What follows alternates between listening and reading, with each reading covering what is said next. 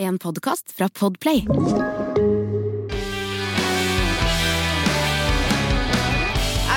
au, au. Du har havna hos helsemegene. Helsemeggene. Velkommen skal du være. Helsemeggene tar tempen. En podkast til å le og gråte. Gråte ekstra av i dag. Gråte med. Ja, gråte med. I dag gråter vi med. Du Helene, har du hatt så vondt at du har grått noen gang i voksenlivet?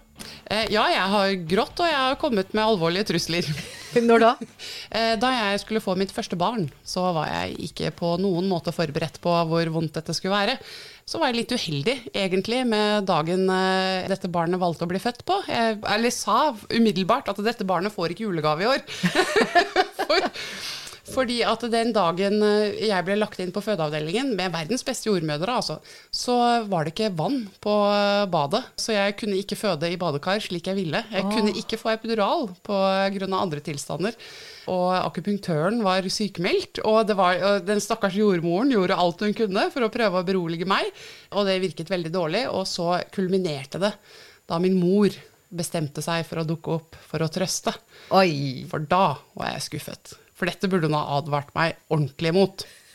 Og da kommer jordmoren og klapper meg på ryggen og sier at 'mammaen din er her og vil se hvordan det går med henne'. Og da reiste jeg meg opp i senga som en grizzlybjørn og skreik til jordmora at 'slipper du den kjerringa inn, så går gebisset hennes ut av vinduet, kjerringa etter, og så er det deg'.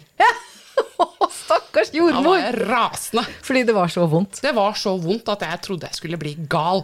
Men det blir man. Når man har veldig vondt, så blir man litt gal, og man blir veldig desperat. Det er helt påtrengende når intense smerter tar over all Altså, det blokkerer jo tankevirksomheten. Og nå er jo vi heldige, eller jeg føler jo i hvert fall at jeg er heldig, som kan snakke om smerte som faktisk har gitt meg noe av det aller, aller fineste jeg har i livet.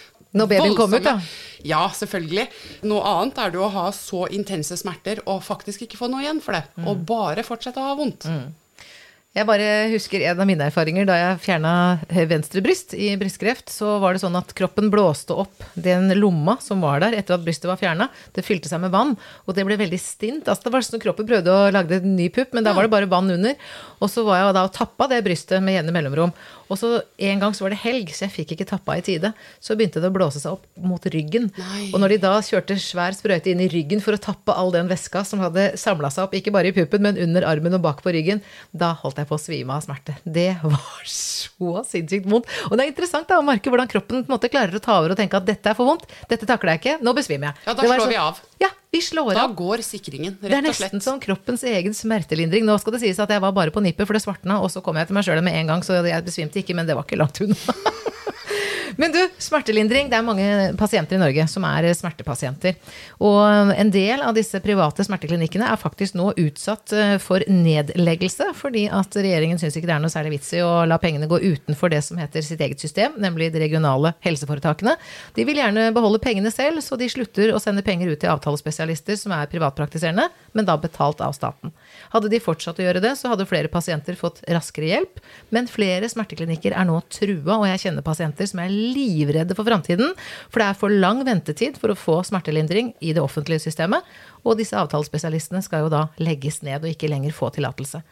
Hva gjør man i et regime når man lever med smerter som er fullstendig lammende for både kropp og sjel? Det er jo i hvert fall veldig tydelig at de som sitter med makta, ikke har hatt vondt nok, eller vondt ofte nok. For de vet ikke hva de snakker om. Men sånn som kreftpasienter kan også ha enorme lidelser, og så finnes det jo smertelindring på sykehusene. Men når du ikke er på sykehuset lenger, hva da? Eh, jo, der har vi jo noen eh, artige regler som eh, selvfølgelig blir forvaltet av Nav. Og der har det jo vært ganske mange helt absurde situasjoner hvor pasienter har operert bort svulster som, som kanskje har påvirka sentralnervesystemet på en sånn måte at man har ulidelige smerter i etterkant av operasjonen. Hvor da, f.eks.? I ryggen f.eks., eller hele kroppen. Men er det i nærheten av ryggen, så vil det jo selvfølgelig bety enorme smerter. Og da får man smertepumpe, og hvis smertelindring på en måte er den eneste behandlingen du trenger, så er det naturlig å skrive pasienten ut til sitt eget hjem. Altfor tidlig, selvfølgelig, men det skjer. Selvfølgelig. Men da med smertepumpe, det som eh, kanskje er litt spesielt, det er at de posene med smertelindring, eller medisin da, som man trenger, de kan koste over 2000-3000 kroner. Og disse får man ikke dekket. Og hvis man da kontakter Nav og sier hvor, hvorfor får vi ikke dekket dette, dette er jo etter en kreftoperasjon, ja, men eh, nå har jo ikke pasienten kreft lenger. pasienten er frisk. Fordi kreften er operert ut. Kreften er borte, da er problemet borte, da er pengesekken stengt. Men er dette regler, eller er dette feil praksis at dette har skjedd én gang, liksom?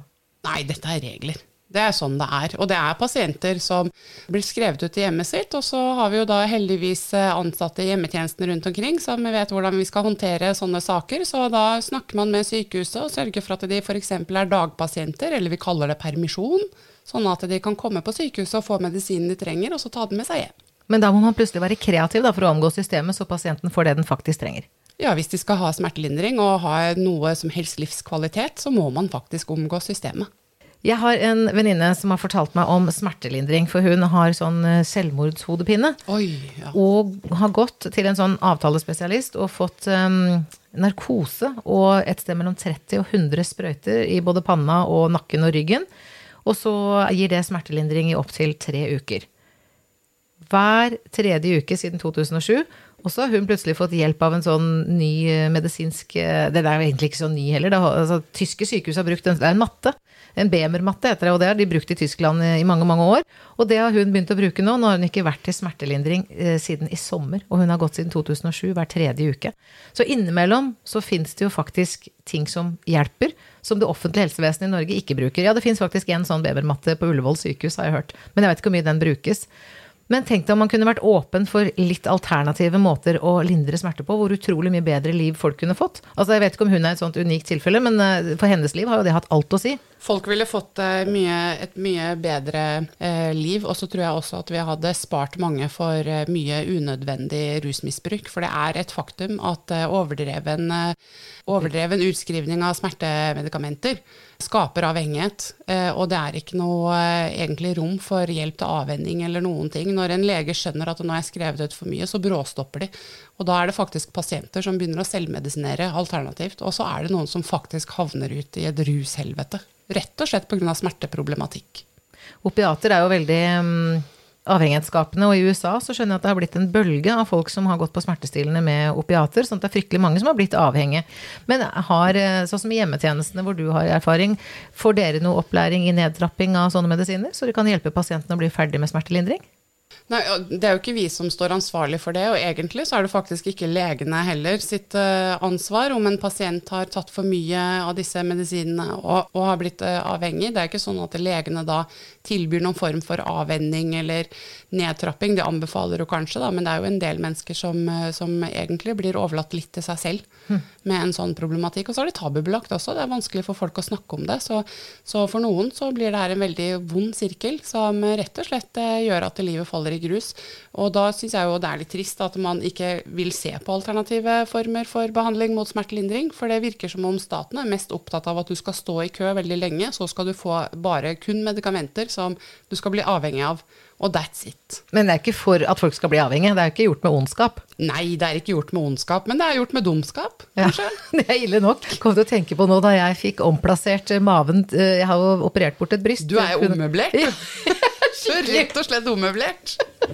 Men da de, om, da de fjerna venstrebrystet, og så etter en ny operasjon så løftet de da mavefett opp og lagde en ny pupp av det, så våknet jeg etter en ganske stor og omfattende operasjon. Og så hadde jeg fått sånn oksygen opp i nesa, og så hadde jeg selvfølgelig smertelindring, som jeg sikkert tror var opium, eller sånn opiater, eller hva er det de bruker for vanligvis? Morfin. Morfin, ja. Jeg kan ikke så mye om dette her. Men jeg våkna så tenkte jeg oi, jeg kjenner meg lykkelig og løftet, og så får jeg så god oksygen inn i nesa mi, tenkte jeg. Det var deilig. Og så tok de bort den oksygenen. Og så tenkte jeg så rart, jeg kjenner fremdeles at det sprøytes oksygen inn i nesa mi. Nei, vent litt, jeg er vel, jeg er vel rusa. da skjønte ja. jeg. Så det var helt sånn innbilning at jeg kjente at den lufta ble sprøyta opp i nesa mi, men jeg visste at slangen var borte. Men da skjønte jeg at den der opiumen eller den morfinen, den gjør nytta si. Den, ja, den er spesiell. Jeg har selv eh, blitt uh, akuttbehandla. Jeg ble plutselig voldsomt syk og hadde blindtarmbetennelse, men jeg skjønte ikke selv. Nei, jeg venta i tre dager før jeg dro til legen. Sånn du har så høy smerteterskel. Ja da. Så, sånn at jeg var sikker på at jeg skulle liksom få litt bukhulebetennelse og litt sånn artig stæsj også. Nå er jeg heldigvis fostra helt uten antibiotika, så det var ikke så vanskelig å, å ta knekken på det for meg. Nei. Men når jeg kom inn, så fikk jeg jo selvfølgelig heftige doser med morfin. Fikk Helenes bro på morfin, det høres heftig ut. Jeg fikk besøk av familien min som var kjempebekymra. Der lå jeg på akuttovervåkning. Eh, og når de kom inn døra, det første jeg spurte om, var om noen av de hadde med seg kebab. Hvorfor i all verden akkurat kebab? Eh, Nei, det vet jeg ikke. Jeg Nei. tror jeg var litt sånn på småfylla. Men, men det som var ille, var jo at jeg måtte faste. Ja. I veldig mange dager, for de visste ikke om de kunne operere meg eller ikke. Ah. Så jeg måtte faste for sikkerhets skyld. Og da var det en stakkars sykepleier som, eh, som måtte håndtere meg når jeg dro i snora, for jeg var jo så sulten så jeg holdt på å dø. Og da legen endelig sa at nå kan de få lov til å få føde, og da ble jeg så glad, for jeg var så sulten. Er det kebab på sjukehuset? Da trodde jeg at jeg skulle få kebab. Jeg var ikke forberedt på at eh, du får ikke fast føde når du har fasta i fire dager. Du får en kopp med buljong. Så den stakkars eh, sykepleieren hun fikk huden full av kjeft, og jeg herja og rasa så fælt at jeg fikk til slutt et halvt beger med yoghurt. Men det som er det gøyeste med den historien, det er at den sykepleieren hun ramla inn på rapportrommet der hvor jeg jobba i hjemmetjenesten noen år senere. Hva vil det si at hun ramla inn på rapportrommet? Hun begynte å jobbe på samme sted som meg. Oh, Så jeg satt og, sti satt og stirra ganske lenge på den dama og tenkte at jeg, hun har jeg sett før. Jeg er sikker på at jeg har sett henne før. Ja. Og så plutselig så kommer jeg på det øyeblikket hvor jeg fikk innlagt kateter. da kjente jeg henne igjen. Og da ble dere gode kollegaer. Ja da, men det er sånn det er i hjemmetjenesten. Mm. Vi har sett alt og hørt alt. Vi tåler alt. Du hører podkasten Helsemeggene tar tempen med programleder Megge Lise Askvik og sjef Megge Helene Spro. Nå har jo ikke jeg vært eh, fysisk på jobb jeg, på over et år, fordi jeg har vært nødt til å ivareta datteren min isteden. Og har derfor gått i ulanda permisjon. Men jeg har jo kontakt med kolleger nesten daglig. Så hyggelig. Fremdeles. Ja. Så Det er mye eh, ekte omsorg både i tjeneste og på privaten. Ja, det er det. Men du vet at det, det er en arbeidshverdag som gjør at man eh, opplever ganske sterke ting sammen. Og det tror jeg gjør at man knytter, eh, knytter sterke bånd. Du, siden det handler om smerte i dag, Helene. Sånn generelt når man jobber i helsetjenestene, så opplever man jo sterke skjebner og mye glede når dere hjelper folk, men dere opplever også tap og sorg og får sikkert også noen ubehagelige opplevelser.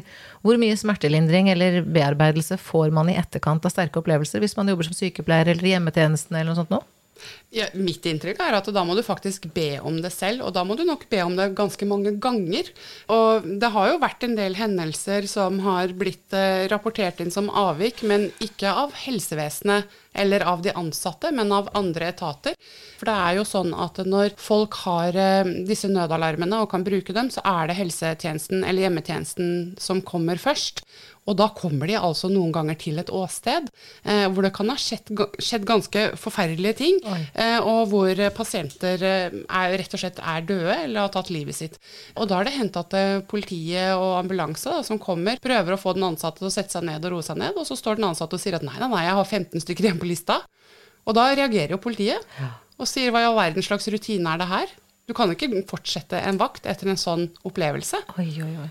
Men det er ikke uvanlig, det. Og det er, det er faktisk sånn at man opplever dødsfall, opplever ganske voldsomme ting, og så rister man det av seg, og så fortsetter man. Nå hører jeg at dette er et høl i Helsepartiets program, for dette har ikke vi noe politikk for heller, men det tror jeg vi må gå i gang og skape. Både smertelindring og debrifing trenger jo mennesker i helsetjenesten som har vært utsatt for så sterke inntrykk.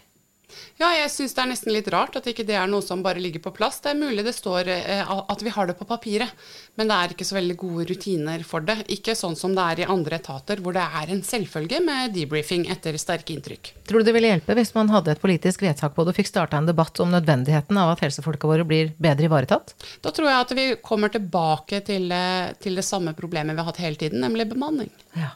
Men jeg syns ikke vi skal gi opp allikevel. Kunne ikke vi starte en prosess hvor vi prøver å jobbe fram et politisk vedtak, i hvert fall i Helsepartiet, får vi se om de andre partiene følger etter, sånn som de gjorde da vi lagde pårørendepolitikk? Ja, det syns jeg vi skal gjøre. Og nå er det ikke noe problem for oss å lage den politikken, for vi har jo vedtatt at vi skal ha høyere bemanning, vi skal ha bedre lønn. Vi skal, Så vi får det til. Det er fordi Helsepartiet er villig til å satse på helse, i motsetning til mange andre ting som mange andre partier er opptatt av å satse på. Men altså, er du opptatt av helse, så er det Helsepartiet som ligger nærmest. Det er vi som er villige til å satse i helse fordi vi ser at det er best for menneskeverdet, men det er også best for hele samfunnet og for økonomien.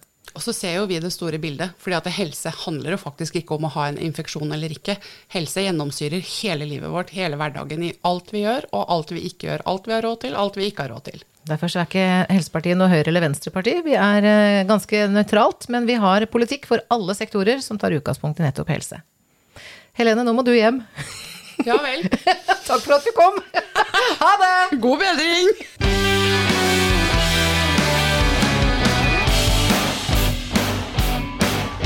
Du har hørt en podkast fra Podplay.